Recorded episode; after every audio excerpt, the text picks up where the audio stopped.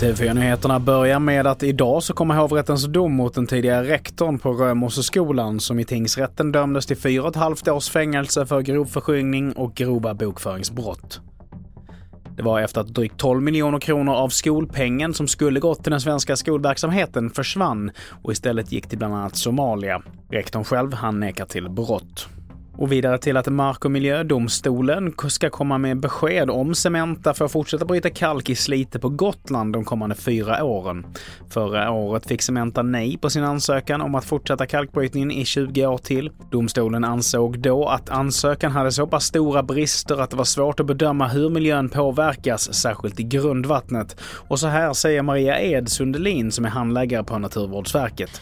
Grundvattenbortledningen Eh, i, påverkar ju grundvattennivåerna och grund och ytvattenflödena i området kring täkterna. Och eh, området kring täkterna är också väldigt, väldigt höga naturvärden. Och här finns ju bland annat då våtmarker som delvis är beroende av grundvatten då för sin vattenförsörjning. Till sist, ET-dockan som användes i Spielbergs klassiska storfilm ska säljas på auktion och väntas gå för 3 miljoner dollar. Och har du inte riktigt de pengarna så kommer även BMX-cykeln från samma film gående klubban för blyga 50 000 dollar.